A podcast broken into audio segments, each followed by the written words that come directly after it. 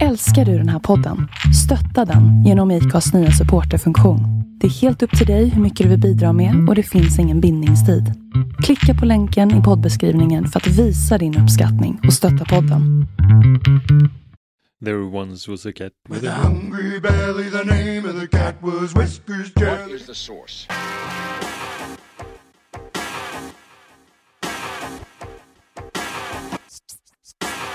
One, two, three, set it!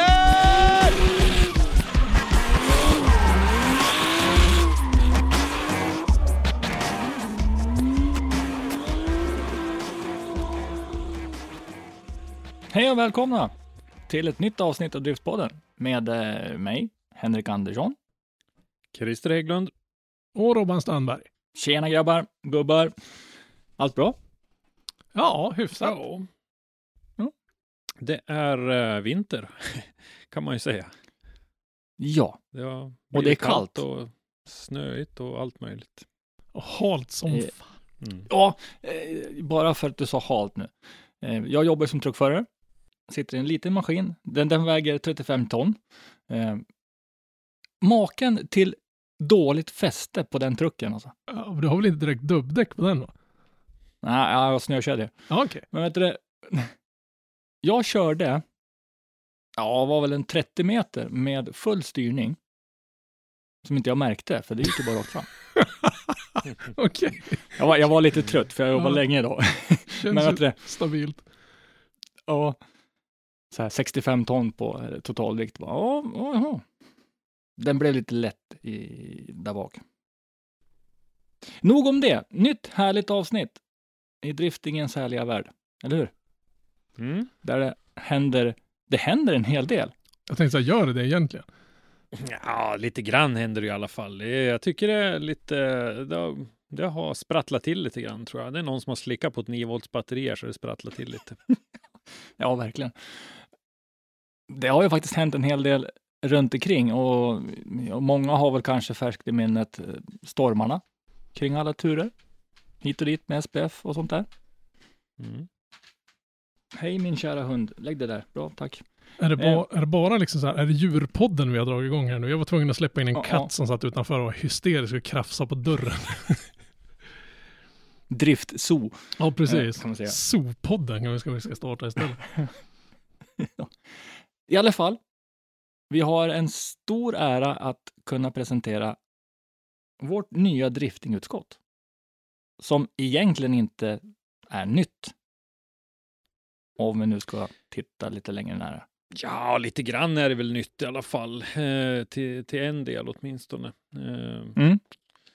Vi har eh, Matilda Svensson som tar över ordförandeklubban efter Max Lundgren. Eh, Matilda var ju ledamot tidigare och så får hon sällskap då av två nya ledamöter i form av Caroline Andersson och Samuel Lundqvist. Då. Mm. Caroline känner ju många av er igen sen förut. Hon har ju varit aktiv. eh, Hon kommer ju från Hultsfreds motorklubb och har ju varit adjungerad i utskottet tidigare och har ju varit med på Swedish Drift Championship och varit ansvarig för, eh, eh, ja, vad, vad säger man, som eh, Ja, men tävlingsnotarie, sekretariat. tävlingskoordinator eller någon sån där. Precis, Ja. jag kommer inte ihåg exakt vad titeln är. Och eh, Samuel då är en, låter bra en, ny, helt ny, eh, ett nytt namn i eh, utskottet.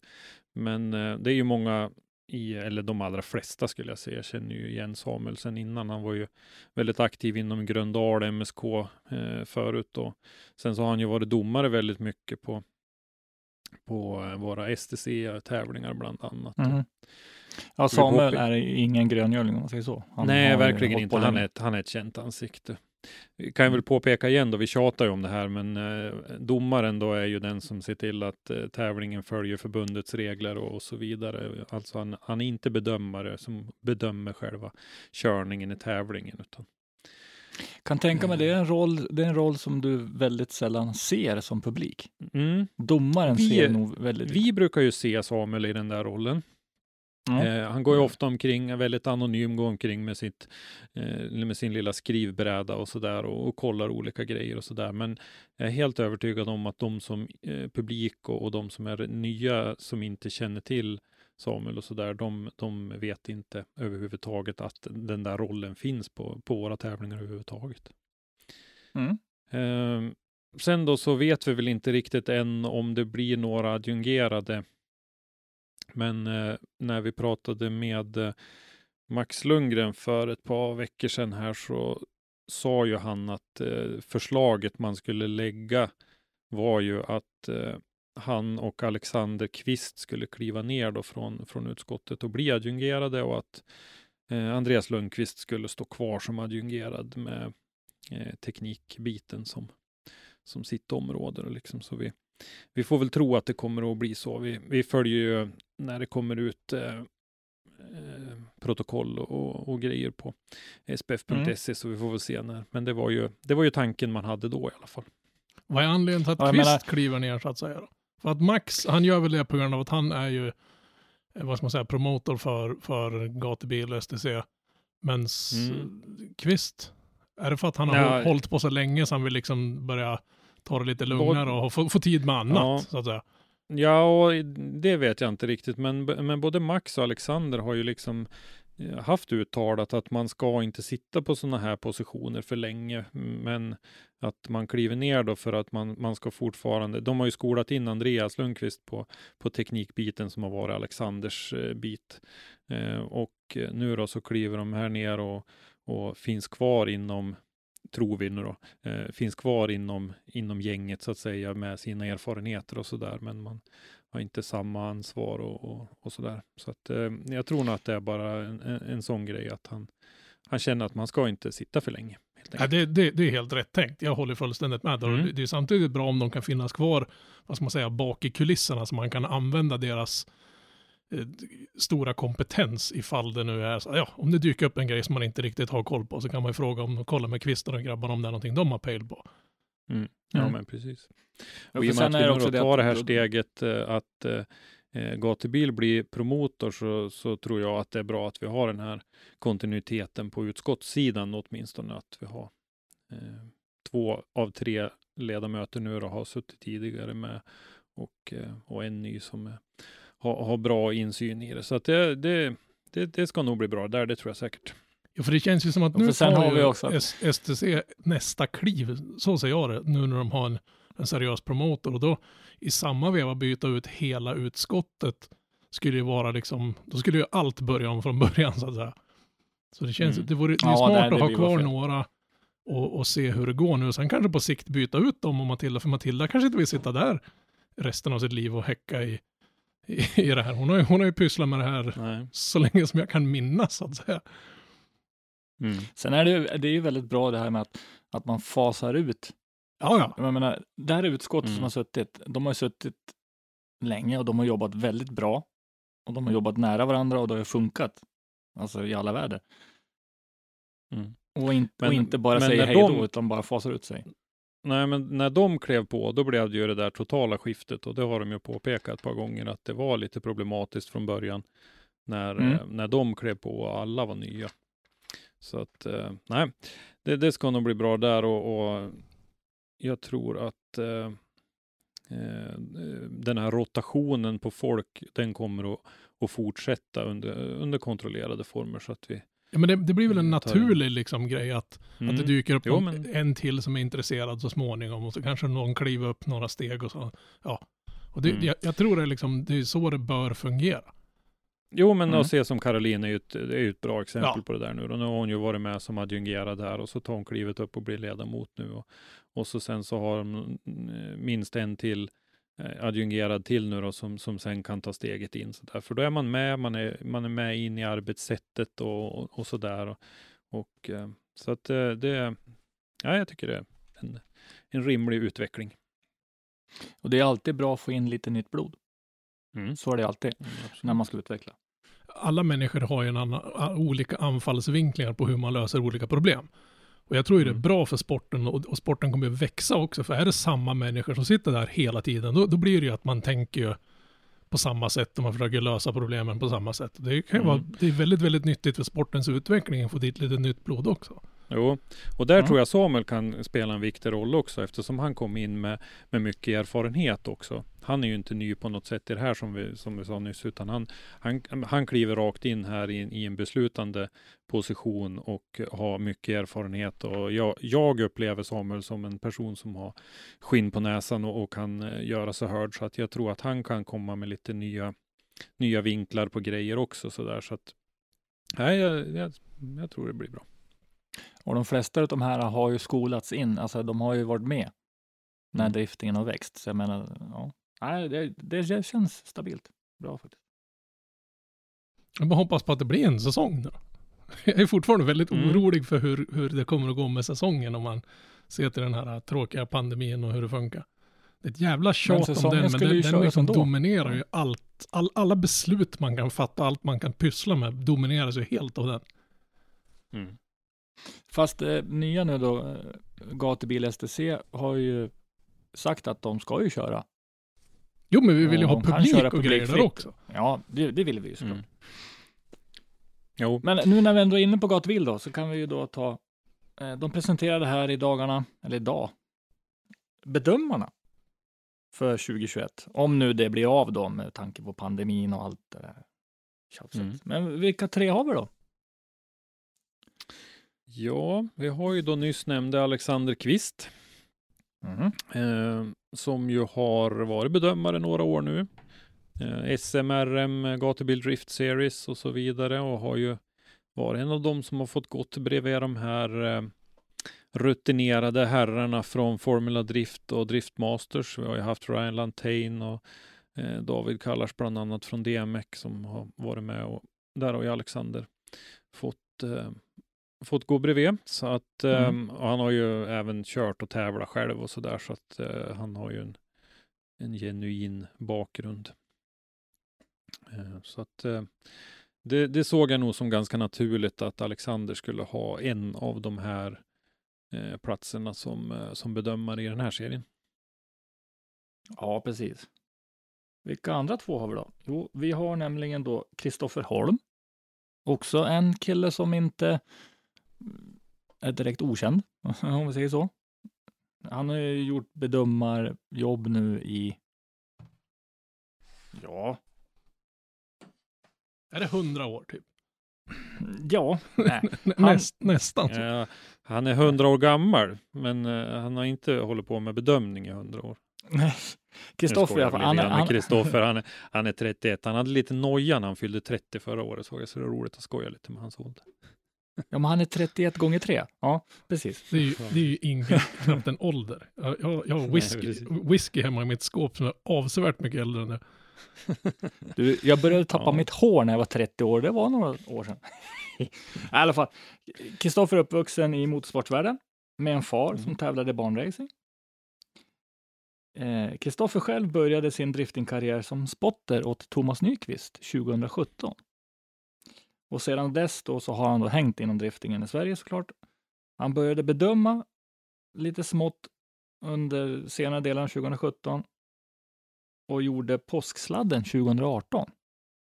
Så han har ju också jobbat sig in Mm, under längre tag. absolut. Och han har ju då Så. bedömt både SDC, Super 3 Bergsladden och GDS, eller Gatubil Drift Series. Mm. Känns det som man har en del rutin där. Mm. Mm. Jo, han var ju även uttalad eh, ansvarig, huvudansvarig bedömare i SDC ett år också. Mm. Så eh, ja, Kristoffer också en som jag gärna ser här. Och eh, tredje mannen då, det är Daniel Hyverinen som eh, eh, ju är den som är nyast av dem inne i det här. Och vi har ju träffat Daniel under nu ett antal år, vi som har hållit på med eh, livestreams och annat som ju ofta samarbetar nära med bedömarna. För han har ju, han har ju gått som eh, lite som lärling eller i, på inskolning under ett antal år här och var med under hela STC 2019 bland annat. Och, eh, Under 2020 så bedömde han eh, Gatubil Drift Series, de svenska delarna och eh, lite grann i Hultsfred och Brejsladden på Mantorp och sådär. Så att eh, det är som sagt en, en eh, ganska ny kille, men börjar skaffa sig rutin och har ju också egen eh, eh förarerfarenhet så att säga, fast väl eh, mest på, på frikörningssidan. Då. Mm.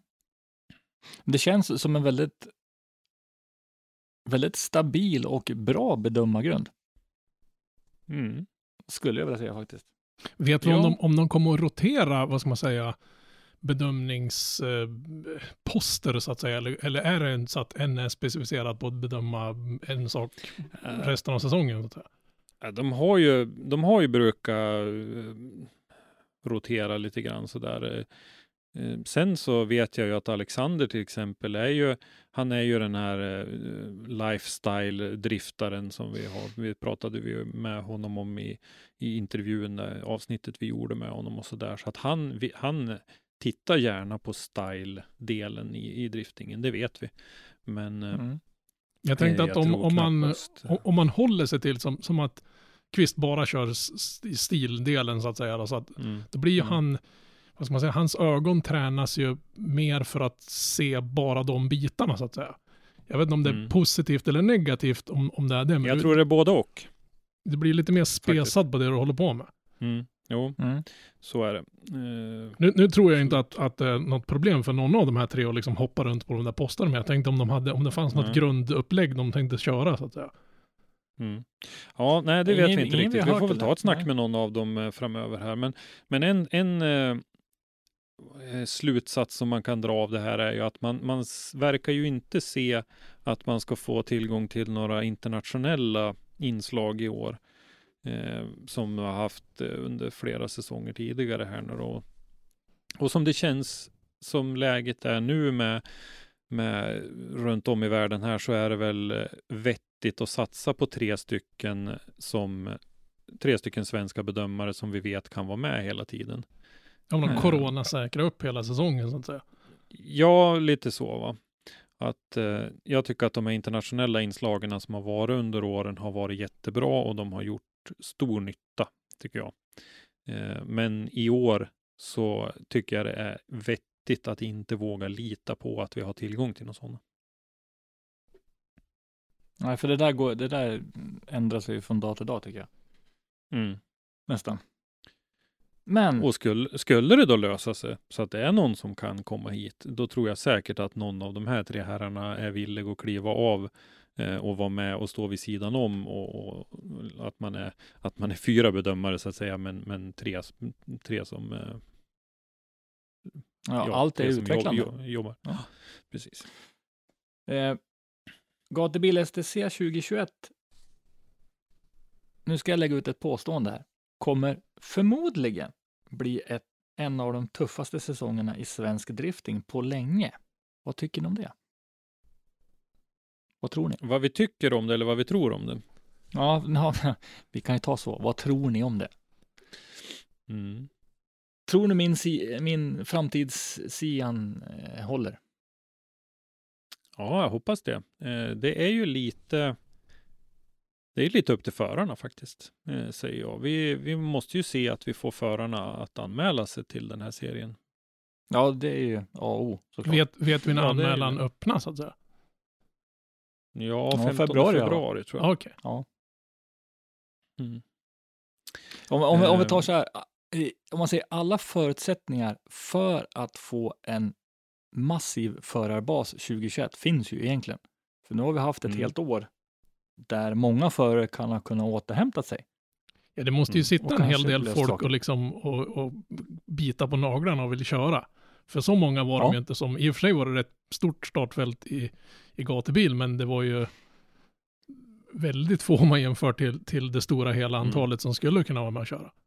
Ja, men absolut. Och, och sen så tycker jag att, att åter, vi, vi kommer hela tiden tillbaka till det här med läget i världen, men vi kan inte hjälpa det, för det är det som påverkar oss hela tiden. Och jag Mm. vet ju att, att eh, 2019 så var det ju ett antal förare som var anmälda till NES-drift till exempel. Eh, Mm. jag kan inte tänka mig att någon förare anmäler sig till NES-drift 2021.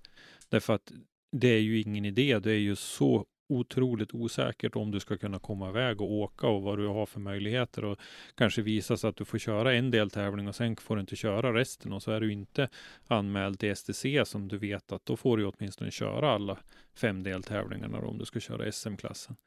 Så att Ja, det, det, Och- och det är även- mer logiskt. Ja.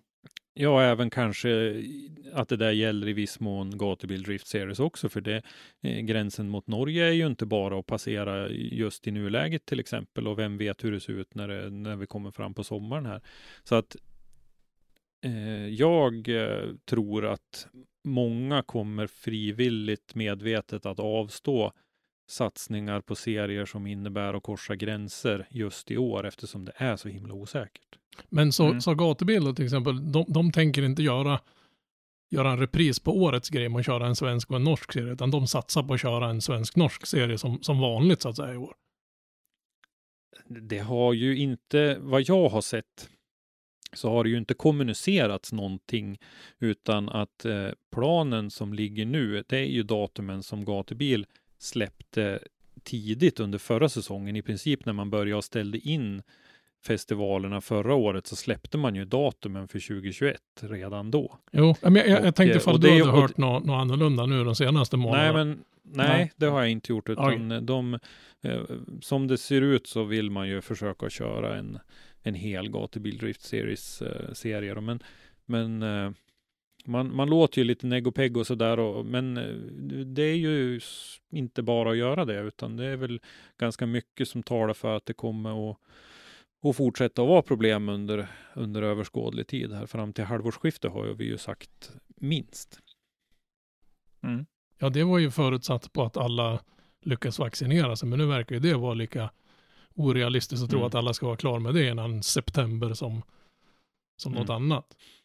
Mm. Ja, nej, absolut. Så att, eh, men, men om vi ska försöka plocka ut någonting positivt ur allt det här skiten, om ni ursäktar franskan, så, så kan det ju vara så att, att förarna väljer då att anmäla sig till STC, som är en serie som de vet att de kan köra alla deltävlingar i. En ganska, ganska bra, så att säga, catchline eh, för sponsorer. Mm. Att det blir en serie där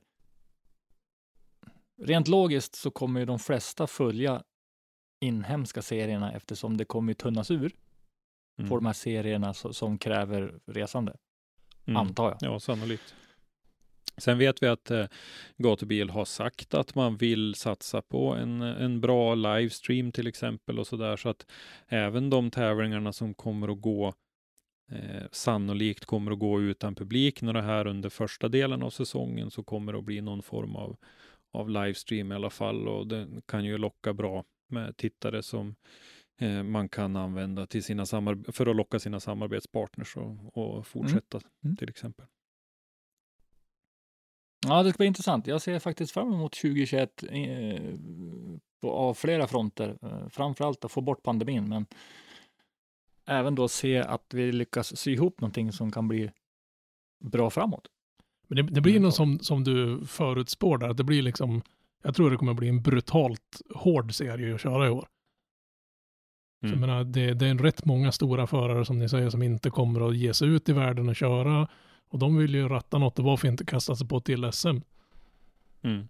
Därför att det, det är klart att det är lockande för vissa att, eh, att ta en, ett sabbatsår till. Eller eh, de, kanske körde någonting förra året, men att ta ett sabbatsår. Men, men samtidigt också så gör man det så riskerar man ju den kontakten man har med de samarbetspartners man redan har. För de kanske inte eh, är sugna på att och pausa och sen är det inte så lätt att få igång det eh, om ett år igen eller sådär.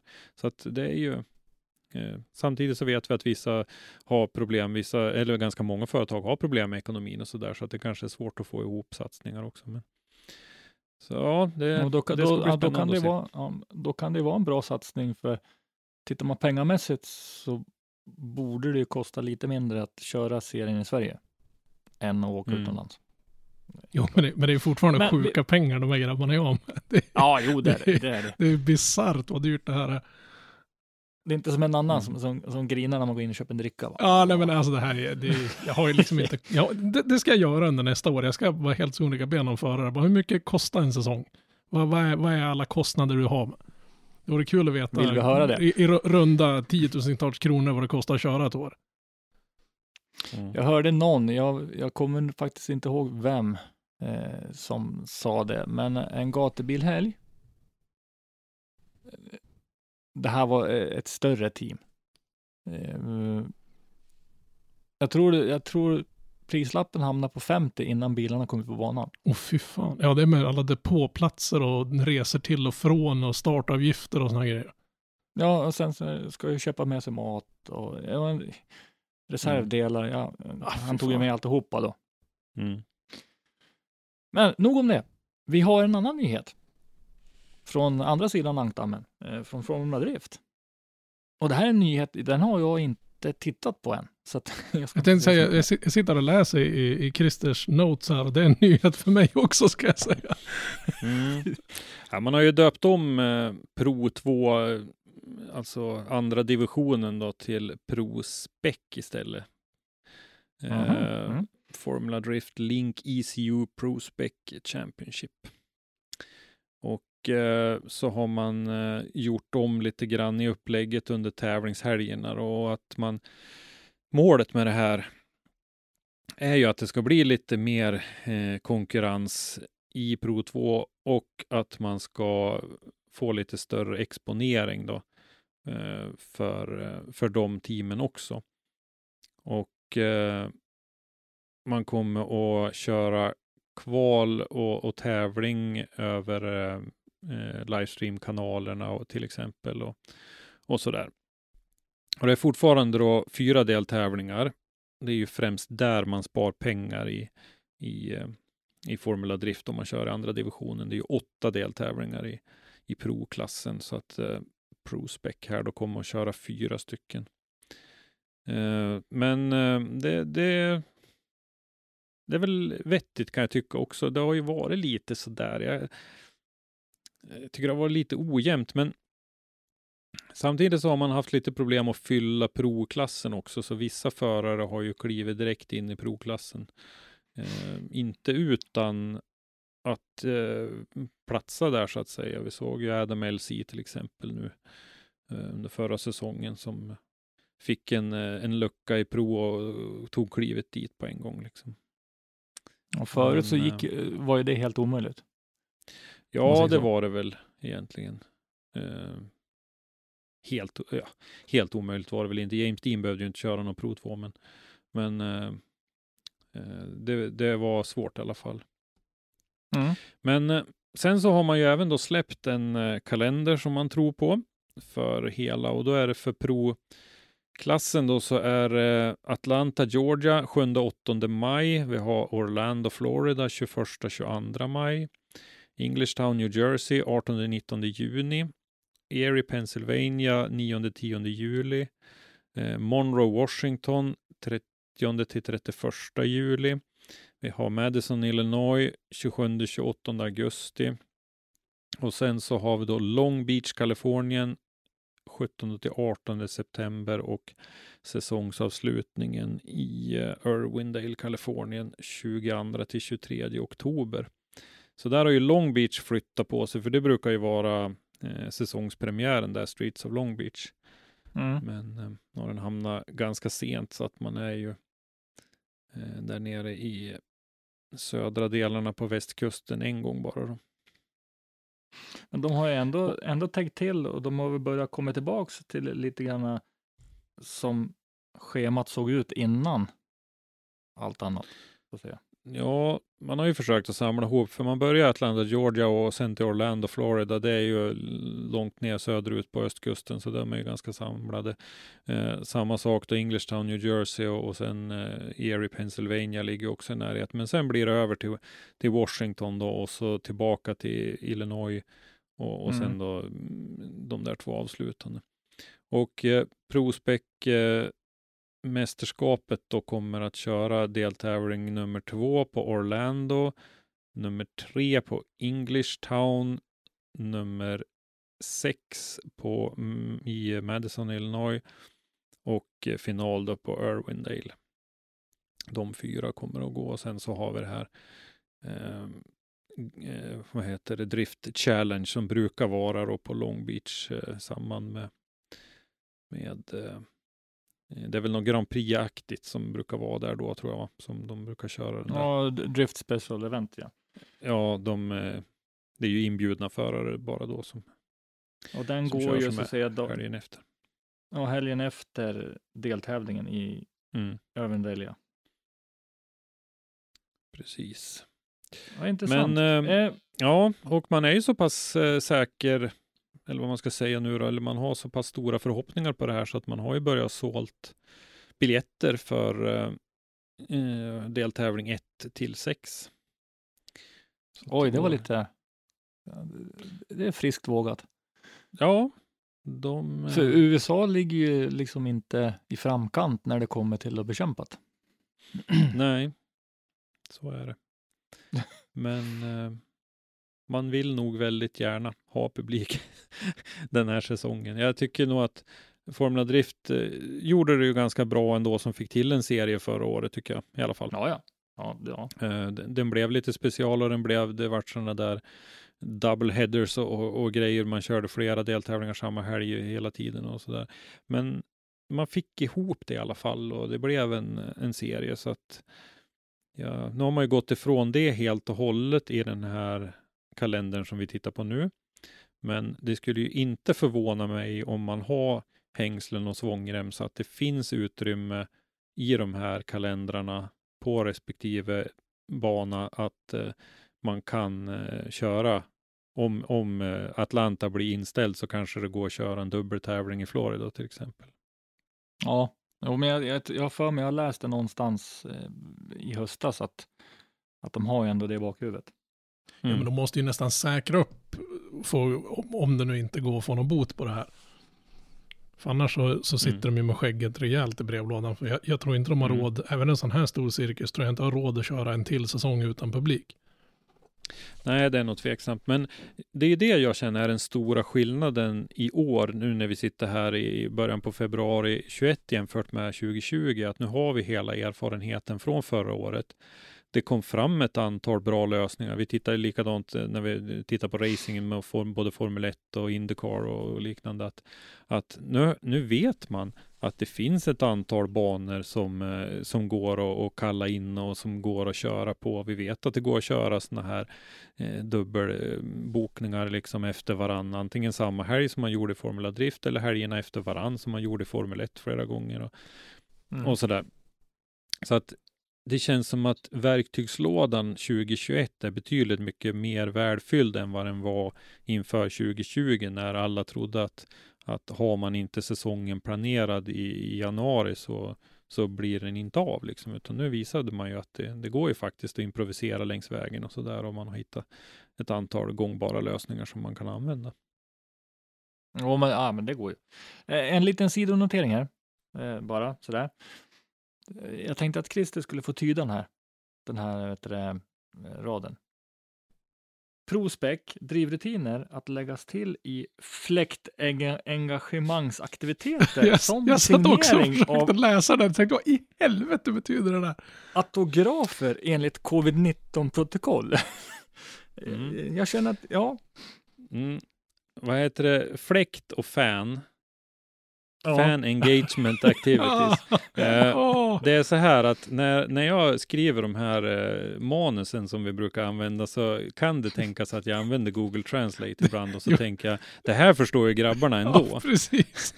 Ja, men men eh, Den, den där var bra. fläktengagemangsaktiviteter var okej, inte den bästa översättningen. Jag håller med om det. Jag tyckte den var Fast- jättebra. Fast nu, fast, Man fast vill alltså inte bara ha det där- publik ja. Utan, man ska kunna få eh, autografer och grejer också. Men enligt covid-19-protokoll. Ja, så då, då tänkte de rigga en stor fläkt bakom som blåser så det är risk att du blir smittad. Så- att inte föraren blir smittad av, Ja, av fanen Ja, alla fall, utan så, så liksom det, det är motvind bara när du kommer dit. Mm. Ja, det, är, ja, det är bara att hoppas på, menar, den här säsongen som var nu, den gav ju oss möjligheterna och, och se alltihopa på ett, på ett, ett ganska bra online-perspektiv så att säga. Så jag tror ju att, att Mm. vi kommer, fler länder och fler länders serier kommer nog att satsa på att sända mer på nätet än vad de har gjort i vanliga fall. Så, så för oss som Mm. inte har råd och, och möjlighet att åka runt hela världen och följa all, all drifting på hela det här lilla klotet vi bor på så, så tror jag det kan vara väldigt positivt för det kommande året att nu har ju alla lärt sig hur man, hur man kan göra. Mm. Mm, precis. Men, och är det någon som har möjlighet att genomföra det här så tror jag att det är formuladrift även i år eftersom eh, jag har inte hört så mycket i alla fall att det finns restriktioner med hur man får åka mellan delstaterna inom USA. Eh, för att DMEC har ju en betydligt större utmaning eftersom man korsar så många nationsgränser. Så att där, där ser jag det som en, en jätteutmaning för DMEC att, att få till en säsong eh, i år. Ja, det låter ärligt talat ganska otroligt att de ska lyckas med det. Det vi, vi, liksom, vi, vi pratar om att köra i åtta länder och jag har för mig vi har Ja. pratat förut om att det har varit förare från 26, eh, 27, 28 olika nationer liksom. Nej, men det, det, det är inte Det- genomförbart. Och frågan är om det kommer att vara Nej, genomförbart om en, en fem, sex år nu när vi har med det här i bagaget. Mm. Jag, jag, jag tror att den Ja, här pandemin har Det- liksom ändrat hur vi, hur vi rör oss i världen lite grann också. Mm. Mm. Ja, jag tror det kommer att dröja länge innan saker och ting är som som, eh, som det var innan eh, i, den mån det kommer att bli det. Men Mm. vi, vi kommer inte bara trycka på knappen och köra ett Elmia till exempel och Nej. där 80 Nej, nej, 000 nej, nej. människor samlas en helg. Det, det ser jag inte att det kommer att göras inom de närmsta åren utan där, där kommer ju inte folk att, vilja komma dit eh, och, och trängas i det här. Vi, vi har fått andra referensramar nu när det gäller sådana grejer. Tre dagar på Elmia iförd stridsmask 90. Jag tror inte det låter så jävla lockande. Mm. Nej. Där fick jag en liten flashback till när man gjorde lumpen. Ja, det är... Och det här berömda, berömda skyddsmaskstestet. Ja, jag vet inte om jag vill springa runt med det i flera dagar. Nej, tack. det räckte med dem. Den en språngmarschen och in i tårgaskammaren där. Usch. Ryan Reynolds here from Mint Mobile. With the price of just about everything going up during inflation, we thought we'd bring our prices down. So to help us, we brought in a reverse auctioneer, which is apparently a thing. Mint Mobile unlimited premium wireless. Ready to get 30, 30, bit to get 30, bit to get 20, 20, 20, bit to get 20, 20, bit to get 15, 15, 15, 15 just 15 bucks a month. So, Give it a try at mintmobile.com slash switch. $45 upfront for three months plus taxes and fees. Promo rate for new customers for limited time. Unlimited more than 40 gigabytes per month. Slows. Full terms at mintmobile.com. Hey everyone, I've been on the go recently Phoenix, Kansas City, Chicago. If you're like me and have a home but aren't always at home, you have an Airbnb. Hosting your home or a spare room is a very practical side hustle. If you live in a big game town, you can Airbnb your place for fans to stay in. Your home might be worth more than you think. Find out how much at airbnb.com/slash host.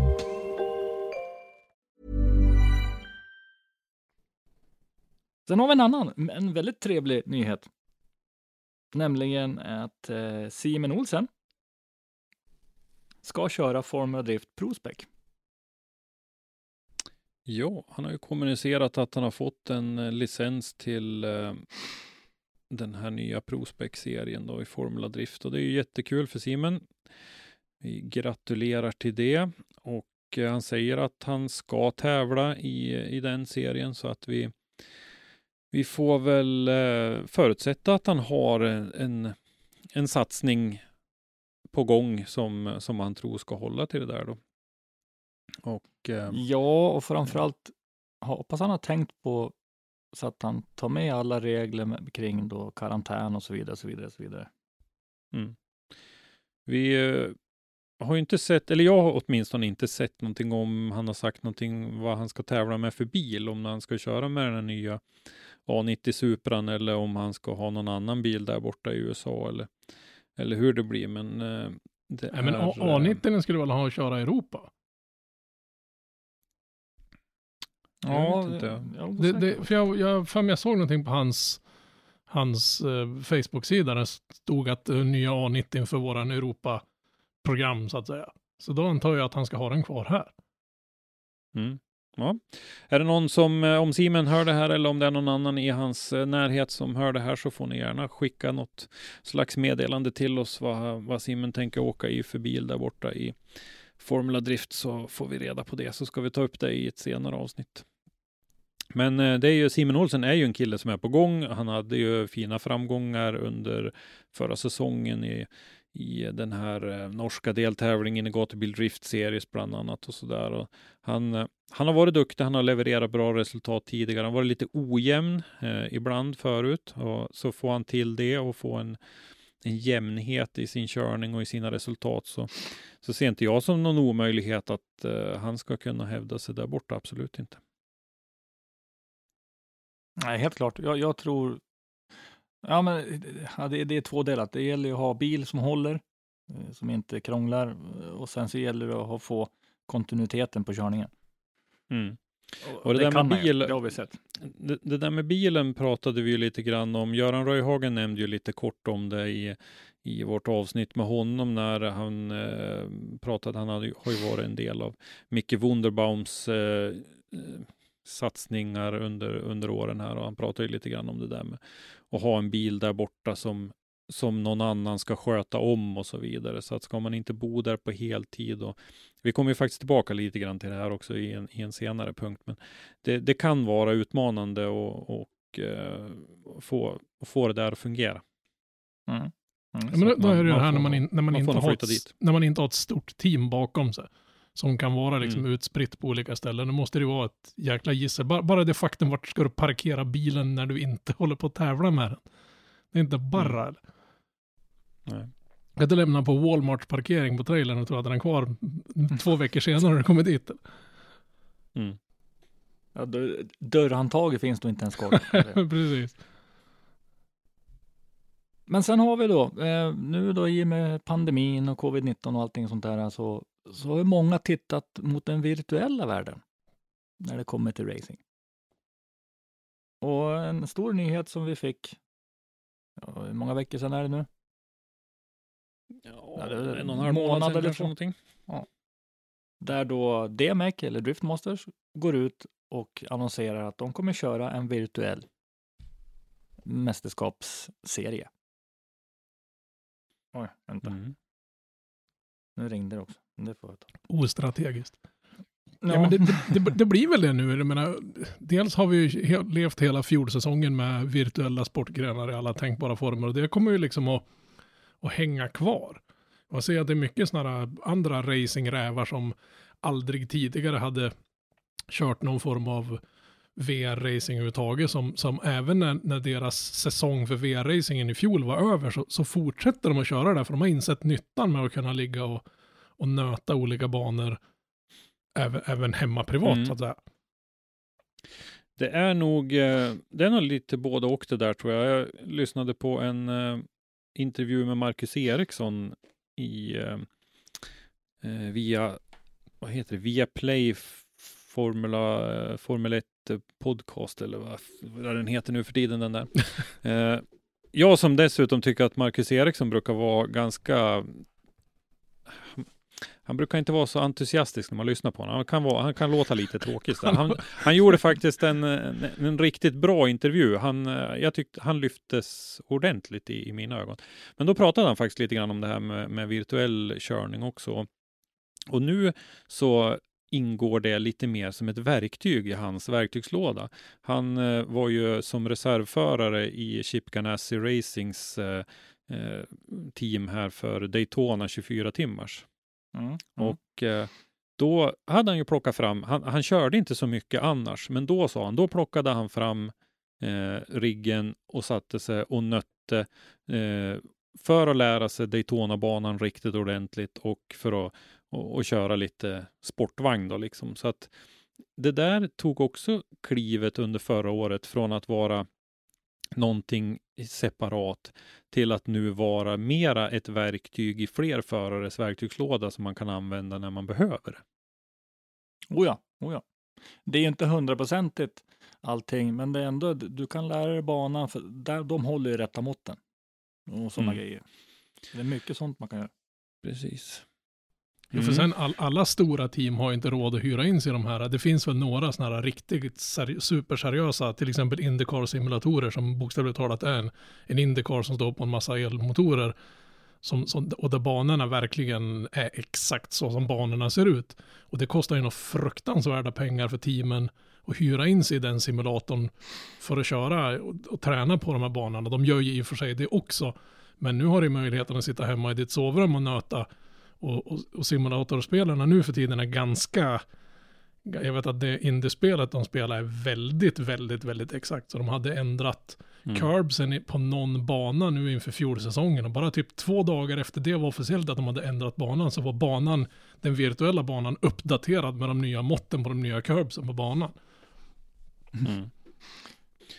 Ja, och nu har ju, nu har ju första deltävlingen varit i den här nu då, DMVC som de kallar det, Drift Masters Virtual Championship. Och då var det fyra stycken eh, ordinarie eh, DMX-förare som var med. Och Piotr Wiesek, Tor Arne Kvia, Sebastian Fontaine, Connor Shanahan, Martin Richards, Pavel Korpolinski, Adam Salewski och eh, Alan Hines. Och Mm. eh, det var 96 stycken virtual drifters. Och jag läste igenom den där listan med de där 96 namnen och det är ju en del svenskklingande namn där. Men eh, ja, det stod inga nationaliteter på någon så att jag, jag vågar inte säga vilka av dem som var svenskar. Men jag tror nog att det var några i alla fall. Ett antal eh, norska såg jag också. Eh, Mats Roland bland annat som eh, var eh, norsk virtuell mästare under 2020 såg jag var med där. Men eh, det blev ju faktiskt Alan Hines som vann då den där första deltävlingen på, som gick på Riga Bikinikytrasse banan och eh, Mm. av de här topp eh, fyra som var kvar på slutet och så var faktiskt tre stycken eh, prodrifters, alltså som kör, som kör bil till vardags och en från eh, den här virtuella scenen eller vad man ska säga. Jag vill säga Mm. riktiga driftare, men jag, då vet jag ju att jag mm, är ute på natten is. men, men ni förstår vad jag menar, som brukar köra riktig bil i alla fall, så att säga.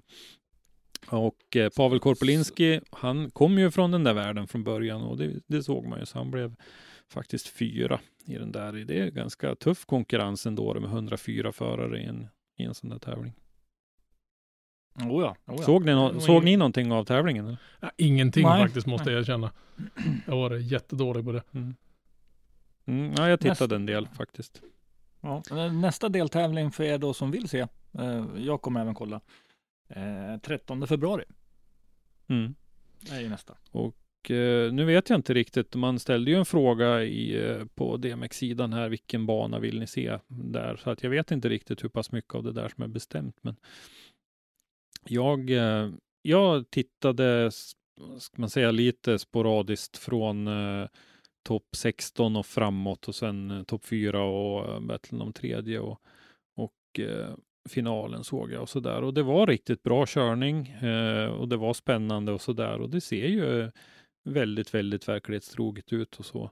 Så att eh, bygga upp lite, lite förväntningar inför säsongen för Driftmasters på det här sättet. Och det var ju eh, eh, Dave eh, Egan och eh, vad heter han, Kiran eller vad heter han, eh, den andra, ja, som de vanliga kommentatorerna som, som brukar kommentera Driftmasters som kommenterade även det här. Så att Mm. det var, man fick den här vanliga, vanliga känslan och de bytte kameror och det var ju både från bilen och uppifrån och så vidare och så där. Så att, och helt, helt sjuklig detaljnivå på bilarna när de liksom eh, står och väntar på domslutet så, så går kameran runt bilarna så här och kylfläktarna snurrar och det, är liksom, det, det Jag, ja, tyck, jag tycker det är ballt att alla förarna har liksom sina egna vad ska man säga, skin och moddningar på bilarna så att de ser ut som deras Mm. riktiga tävlingsbilar gör. Sånt, sånt Ja, är ju precis. fruktansvärt Jag- uppskattat. Ja, och jag tittade ju mycket på, på Pavel Korpelinskis då naturligtvis, och eftersom vi känner honom väl och så, och känner hans bil och så där, och den är ju väldigt, väldigt lik. Helt klart. Men nästa deltävling som sagt 13 februari. När blir det något eh, SDC VC då? Inte vad vi hört eller? Nej. Det finns ju en del inom SPF som håller på med virtual eller virtuell motorsport så att säga, men eh, Nej, inte hört racingen finns ju. Men eh, nej, precis. Men nu har vi kommit till en, eh, en ny programpunkt, skulle jag kunna säga. mm, ja. Vi får se, ska, ska vi liksom gör, vi får se om vi kan göra den här till en fast punkt. Det vore trevligt. Jag tycker om den här underbara rubriken som Christer har skrivit under, under, under Görans namn.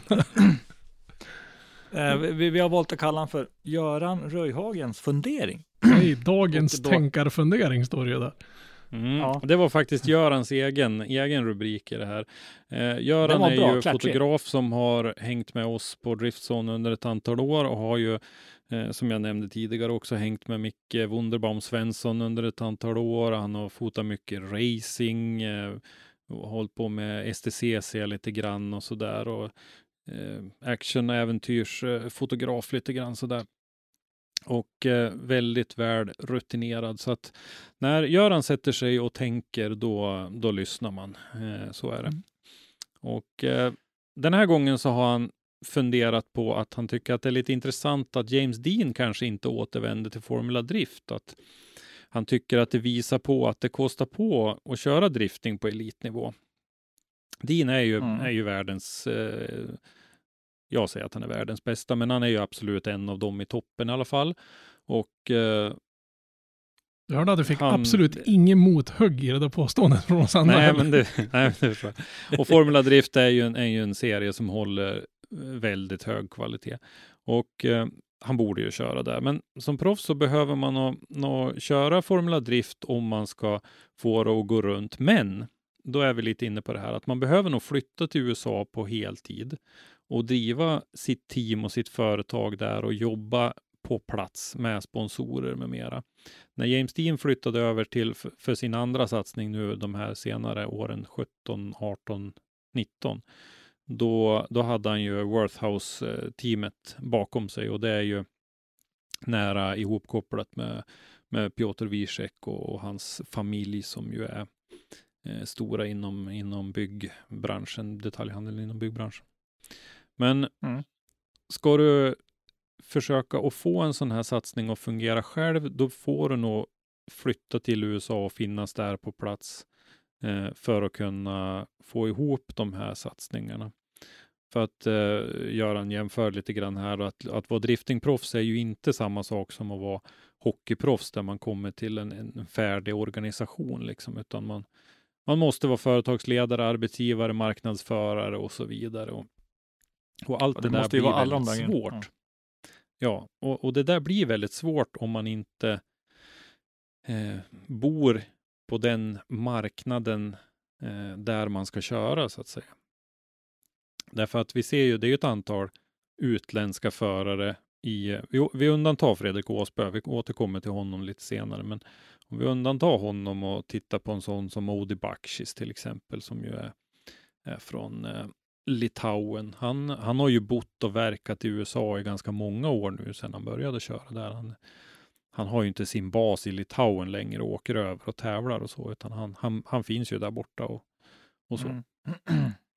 Och att det kanske är det som, som krävs. Så att eh, Dean och eh, Wiesek fick ihop den här satsningen och, och, och, och gjorde tre bra säsonger där borta och sen så tappar de det här samarbetet med, med Worthhouse.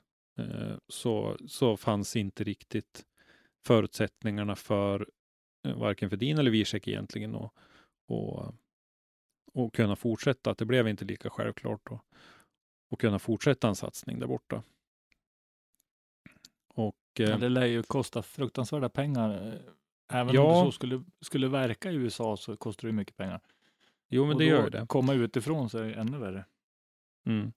Och eh, Göran jämför det här lite grann med, med det som vi har, har eh, pratat om mycket inom svensk drifting, att man ser det här tre till fyra års eh, cykeln där en förare köper en skaplig bil och tycker att det är jätteroligt med drifting. Han bygger en mycket bättre bil och så börjar han att tävla och så tävlar han ett tredje, eh, tredje året så kör han kanske SM eller någonting. Och så sen är pengarna slut då blir det att man ställer undan bilen eller man säljer den och, och Mm. börjar med någonting annat. Och, och det där är ett problem som, som sporten drifting har, att vi, vi kommer inte vidare därför att vi får ingen stabil grund att stå på med en stabil bas av, eh, av förare som, som kan satsa långsiktigt så att säga. Eh, Rickard Ivars är en sån som har varit med i den här sporten länge eh, och han lyfte ju fram det där nu när han skulle göra sin gatubil driftseriesatsning som var tänkt att inför säsongen 2020. Att man, man ska satsa så mycket så att man kan göra det under en lång tid. Mm. Mm. Jag kommer inte ihåg eh, Rickards exakta formulering, men det var ju andemeningen i det i alla fall. Att man ska inte satsa mer än att man kan se att man kan göra det under en, en längre tid. Och, och det är ju så otroligt viktigt och att vi ser även, även på högsta nivån inom sporten samma problem. Med, som James Dean då i, i det här exemplet. Ja, precis. Ja. Men, men Fredrik Åsbö då är ju en av dem som, som är undantaget och eh, eh, Ryan Turk hade han ju vid sin sida då i, i, eh, under säsongen 2020. För där är ju Papadakis eh, med, med stöttning av Toyota ett, ett team som eh, tar fram bil och utvecklar bil och så vidare och så har de två stycken duktiga förare som, som kör sina sina bilar och, och som sköter om dem under, under säsongen och så vidare. Mm. Och där, eh, liksom, det, det är ju lite mer som, som det är inom annan motorsport, inom racing till exempel, där det finns ett antal team med, med en stomme av, av egen personal och så där och så sen så kan man välja att signa olika förare och visst, många gånger så har förarna med sig egna sponsorer och egna, egna pengar in i den satsningen så att säga, men ändå den, den stommen och strukturen finns redan där i, i teamet så att säga. Ja, och sen så behöver du ju inte föraren då som ska köra behöver ju inte stå och peta i precis alla saker. Så Nej. man kan fokusera på att faktiskt utveckla sig och köra. Mm. Ja, för bara, bara tiden att liksom hålla på att knyta nya kontakter och, och vad ska man säga, eh, jobba mot sina samarbetspartners och sådana saker tar ju upp en ruskig massa tid som du skulle egentligen behöva satsa på, på att köra bil helt enkelt. Och träna och Mm. nöta. Och liksom som, Mm. som menar, vissa förare, de står ju, de är ju sin egen mekaniker också. Och Asper ser ju inte direkt ut som killen som kastas ut och byter däck så fort han kommer in i depån. Nej. Ja, nej. Nej, precis. Och han, han ska ju inte behöva göra det, utan han ska ju kunna koncentrera sig på, på sitt. Han, är, han har nog byggt sina bilar och kan lite sådär, men, men det är inte hans uppgift på den här nivån, utan då, då ska han eh, kunna hålla på med annat. Och där har vi ju sett eh, en förare som vi har haft bra kontakt med under åren är ju Pontus Hartman till exempel, som har eh, berättat lite grann om det där att eh, det är eh, ett jobb med att hålla samarbetspartners, eh, liksom hålla kontakten och, alla, alla de bitarna det där och, och hålla på med, med och bygga bilen och det där. Han, han gör ju en, en seriös satsning och han skulle ju köra hela DMX-serien 2020 var det ju tänkt.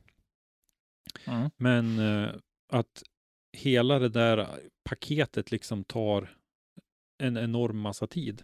Det, det är ju en heltidstjänst. Alltså, jag förstår inte hur de här Mm, grabbarna jo, på den nivån har, har möjlighet att ha ett vanligt dagjobb också. Och familj och barn Mm. och hela det kittet.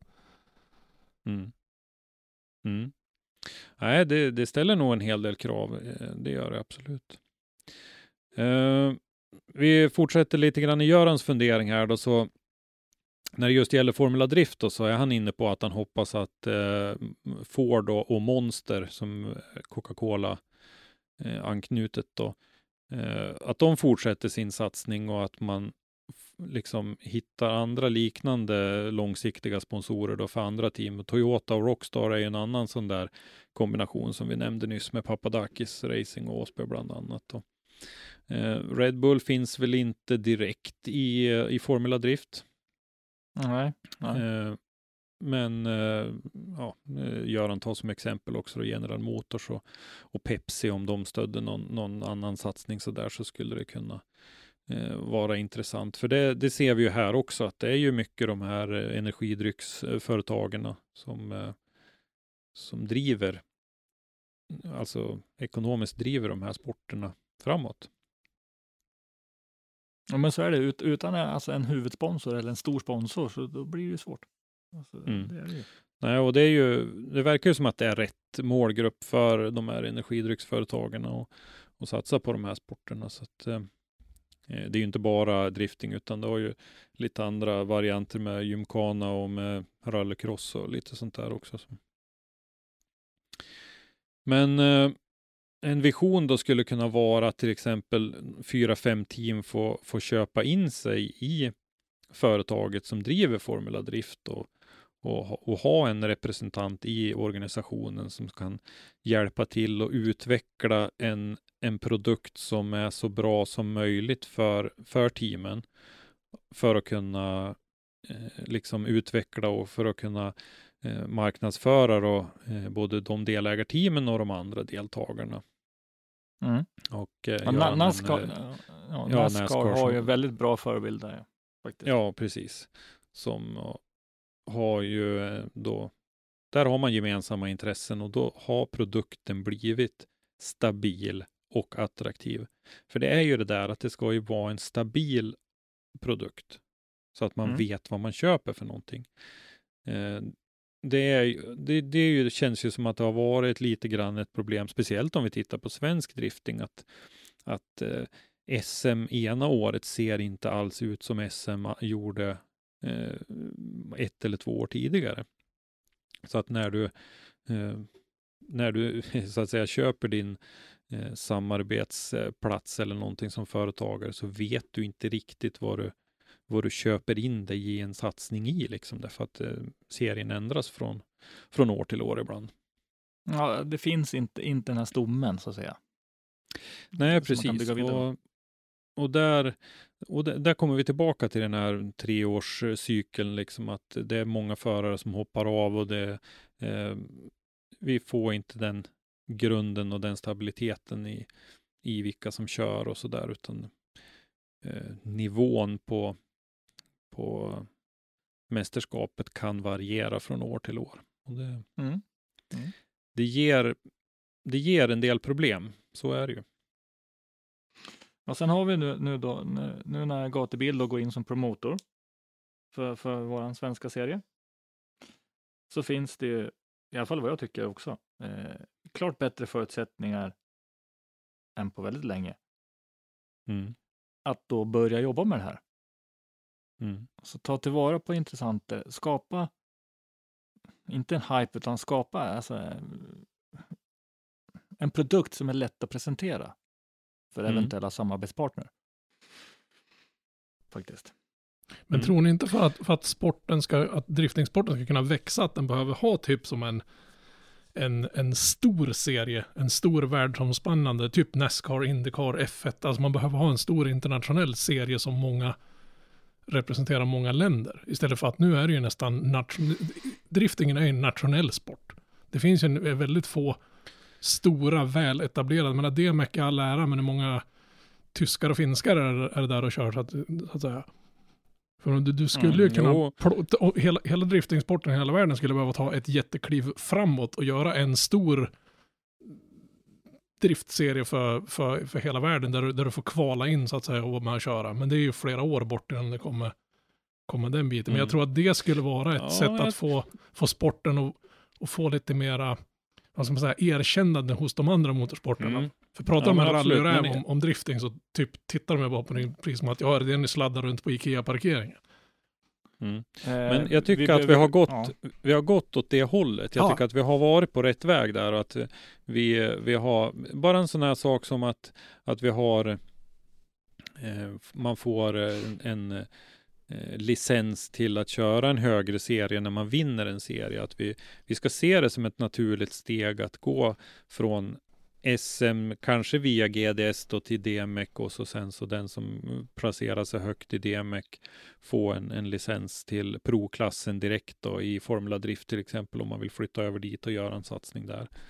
Så att man har för, och jag tycker att DMEC med den nivån som DMEC har varit på de senaste åren har betytt mycket och jag tror att vi ska hoppas att vi får fortsätta att bygga på den produkten och det, det som har, det man påbörjade där, men som har fått lite hack i LP-skivan här nu då tack vare den här, återigen, den här jäkla pandemin, att vi, eh, det är stora utmaningar när det är många länder och många många förare från många olika ställen. Så att, eh, men DMX som sådan tycker jag är viktigt för att vi ska få det här och, och någonting att bygga vidare på. Och där har ju Red Bull varit en stor del, därför att de har ju satsat jättemycket på det här med att göra en attraktiv eh, livestream till exempel som, som når ut. Och det tycker jag att de har lyckats med. Det tror jag nog att ni håller med om också.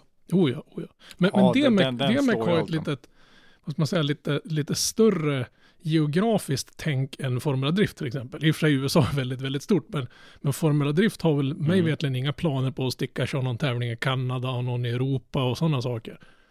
Och det är det jag menar, det skulle behövas ta Mm. ett kliv inte för den serien serie, får nej. bli, Nej. bli större än vad den är. Mm. För nu, nu, nu kan Det du kan- bli bäst, i behövs- Europa ja, och sen får du ja. åka till USA och köra. Mm. Ska vi få in driftingen i, i, i så att säga motorsportens finrum så, så behövs det nog någon, någon, några kliv upp faktiskt. Jag vill ha med en, en, en svensk förare i, i, i, i landslag, SBFs landslag vill jag med mig en driftingförare i någon gång. Mm. Där man presenterade ju det där landslaget idag var det väl och där var det ju, det är ju bara racing, rally och rallycross. Eller Ja, var det någon, go- det var en kart, man hade också? också. Ja. Mm, mm, precis. Men det, det är också en sport som, som har, har tagit faktiskt ett rejält kliv de senaste åren. Från att Mm. ha nästan dött ut. Och det är liksom, man skulle nästan behöva typ snegla mot hur, hur go-karten till exempel har gjort för att komma på fötter igen efter deras lilla tillbakagång som var under många år. Mm. Men där, eh, nu ska jag sno lite content härifrån eh, en, en annan stor podd, eh, motorsportpodd, men där man pratar med Rickard Rydell om, om den här vägen till Eh, eh, ett Formula 1-säte. Att vi har ju den här eh, killen Dino Beganovic som är ju en ganska stor svensk racingtalang nu som har blivit antagen i han är andra året nu i Ferrari Driver Academy och eh, körde ju Formel 4 i eh, Italien förra året och gjorde bra ifrån sig där. Nu kommer han att köra Formula Regional Europe i år, men nu är han borta i Asien och eh, tränar lite grann och, och laddar upp inför den där eh, Formula Regional-säsongen och sen så eh, Rickard Rydell då som var med i den här podden, han, han är ju som rådgivare och lite mentor och lite manager åt eh, Dino och eh, förklarade lite grann hur de här stegen går till då. Att Formula Regional är ju som, en, som ett steg mellan Formel 4 och Formel 3. Eh, och det är ett naturligt steg att, gå, att ta den vägen sen till Formel 3 och sen till Formel 2 och så sen då förhoppningsvis då så, så ska man ju landa ett säte då i, i Haas eller i eh, Alfa Romeo som det är idag, de, de eh, Ferrari-anknutna eh, teamen i. Mm. Det är ju inte så troligt att man hamnar direkt i Ferrari så att säga, utan det är ju i något av teamen där. Men när vi snackar pengar så ville man också att Rickard skulle försöka sätta en prislapp på de här säsongerna. Oj. Och när, när liksom de här karting Eh, ska du göra en seriös satsning på karting på hög nivå, då pratar vi om satsningar på eh, kring en och en halv miljon för en säsong. Eh, liksom vi pratar kanske tre miljoner för, för de första, om du börjar kliva över och köra bil. Du har eh, liksom från 5 och 10 uppåt 20 miljoner per säsong för en, en satsning i, i, i F3 till exempel. Så att när vi, när vi räknade, eller när de i podden räknade ihop det där så, så lite beroende på vad du får för stöttning ifrån någon sån här förarakademi då, för det finns ju fler än Ferrari. Mercedes har ju en och Red Bull har ju en som är väldigt känd och så vidare. Så någonstans mellan 30 och 70 miljoner svenska kronor ska du skaka fram själv. För att gå de här stegen och förhoppningsvis eh, landa ett, eh, ett Formel 1-säte och innan det är färdigt. Jag pratade med några rallynissar för Det var några år sedan som, och det är två äldre herrar som har kört rally på nationell nivå ganska länge. Man har kört, ja sedan jag föddes. Och de räknade ut lite mellan tummen och pekfingret att deras karriärer per skalle har kostat någonstans mellan 150 och 200 miljoner. Får köra rally Mm. i 30 år. Så jag menar, det, det är nog sjuka Ja, pengar. vilka pengar alltså. Ja, och då, då har inte de varit och kört typ VRC-serien. De, har- de har mest hållit till i, i Norden och fiser runt där och kört på, på, ja, på en ganska hög nivå. Men det har ju fortfarande inte varit några, några VM-satsningar de har gjort. Mm. Nej, precis. Ja. Mm. Ja, det var lite funderingar från Göran där, men som, som det vi ska ta med oss kanske att avsluta den här eh, diskussionen för att sätta igång lite funderingar så där, det är väl det här att, att hur, hur är samarbetet mellan de som arrangerar serien och teamen? Hur, hur stor inverkan och vilken slags eh, vilket utbyte finns det däremellan för att få den här stabiliteten och det? Och då, då menar jag oavsett om vi pratar DMEC, Gatubil Drift Series eller Gatubil Swedish Drift Championship egentligen, så, så är det ju ändå teamen som ska vara där och köra som bör ha någon slags eh, påverkan och kan eh, säga vad man tycker för att få, få till det på, på ett bra sätt så att man underlättar för, för samarbetspartners och så vidare. Nej, men jag tycker faktiskt eh, såklart, ja, just nu kanske det inte är rätta tidpunkten, men, men alltså de här funderingarna Göran lyfter fram är ju väldigt, väldigt bra och väldigt Mm. djupa. Och det är någonting som jag tror att alla ska ta med sig och fundera på faktiskt. Mm. Så är det och eh, de som behöver lite inspiration eh, vad gäller eh, det här med att söka marknadsföring, söka samarbetspartners och så där så tycker jag väl att vi kan navelskåda lite grann och rekommendera vårat dels poddavsnitt och dels så finns ju artiklarna kvar ute på Driftzones webb också där vi har lite idéer om vad man kan erbjuda en samarbetspartner och vad man bör tänka på när man skriver sitt avtal och lite sånt där. Så har ni inte lyssnat på det avsnittet så tycker jag att ni ska göra det och eh, eh, som sagt eh, även kanske läsa artiklarna som, eh, som behandlar de där bitarna och eh, avsnittet som eh, handlar om sponsringen nummer fyra så att man får scrolla tillbaka en ganska lång bit i, i våran lista med avsnitt. Men det, det tror jag faktiskt Men att det, det kan håll- vara värt. Vi har ju hört en del positiva kommentarer på det där avsnittet att det, det väckte öppnade ögonen till viss del på, på en del förare och sådär.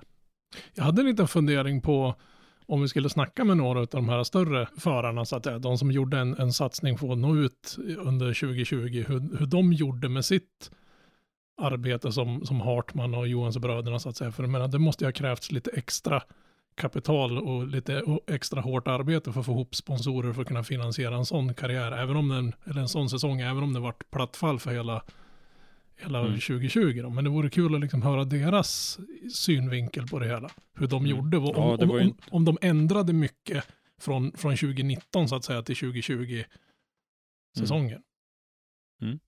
Ja, vi får se om vi kan eh, hitta någon och snacka lite grann eh, om det där med. Det skulle vara intressant helt klart. Och med det, mina kära herrar, så drar vi på oss broddarna och går ut i det här härliga vädret. Eller?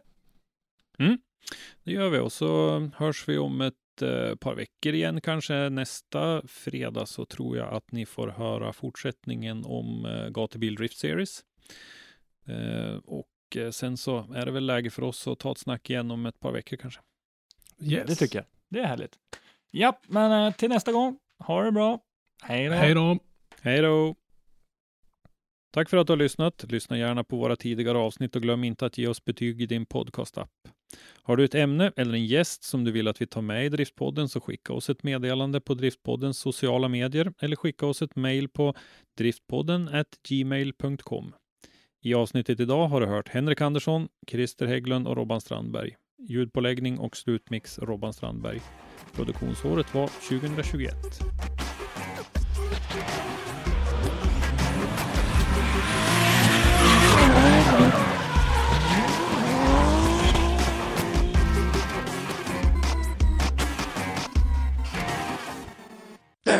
Was a cat with a hungry belly. The name of the cat was Whiskers Jelly. His throat was dry and his bowl was bare. Meow, me furry cats meow.